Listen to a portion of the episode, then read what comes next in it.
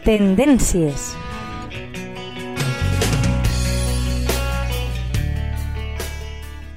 Hola, amics de la teua ràdio. Benvinguts una setmana més al Tendències. Aquesta setmana parlarem de quin és l'ingredient del teu xampú habitual que fa que tinguis el cabell espatllat. En qüestió de cabell, tots eh, volem lluir una melena brillant, suau i amb volum. Eh, però això, eh, per això sempre comencem a, que, que, que, sempre que comencem a utilitzar un xampú nou, observem amb, amb lupa com ens queda el cabell immediatament després de rentar-nos-el i també uns dies després. Si amb la teva última adquisició capilar has tingut una sensació de suavitat extrema, eh, inclús eh, abans d'aplicar un condicionador o una mascareta, però també has notat que el cabell s'embruta més ràpidament que altres vegades, el més probable és que el teu xampú eh, tingui a la seva formulació silicones.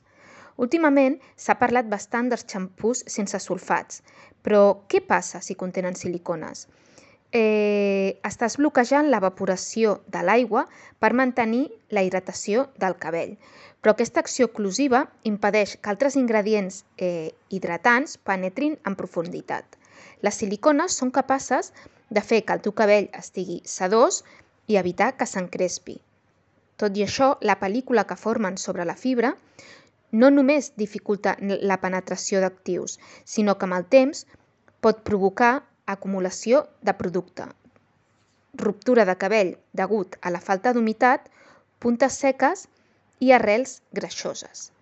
Les silicones que hem d'evitar són les conegudes com les dolentes, dimexicone, eh, polisiloxane, dimethilsilicone, que són eh, silicones que no són solubles en aigua, per lo que no es poden eliminar al rentar-nos el cabell.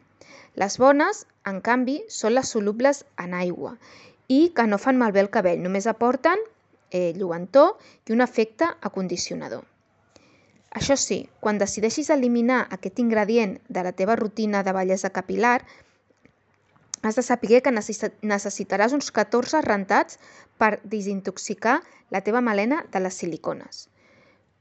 Tot i això, compensa la sensació eh, de falta de suavitat eh, amb altres productes que incorporin olis vegetals, que hidratin, acondicionin i desenredin el cabell de manera similar, al mateix temps que tinguem, tinguem una acció antincrespament i sense aportar pes.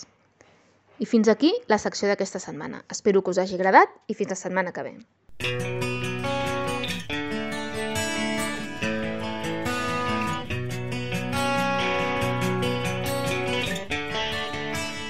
Tendències.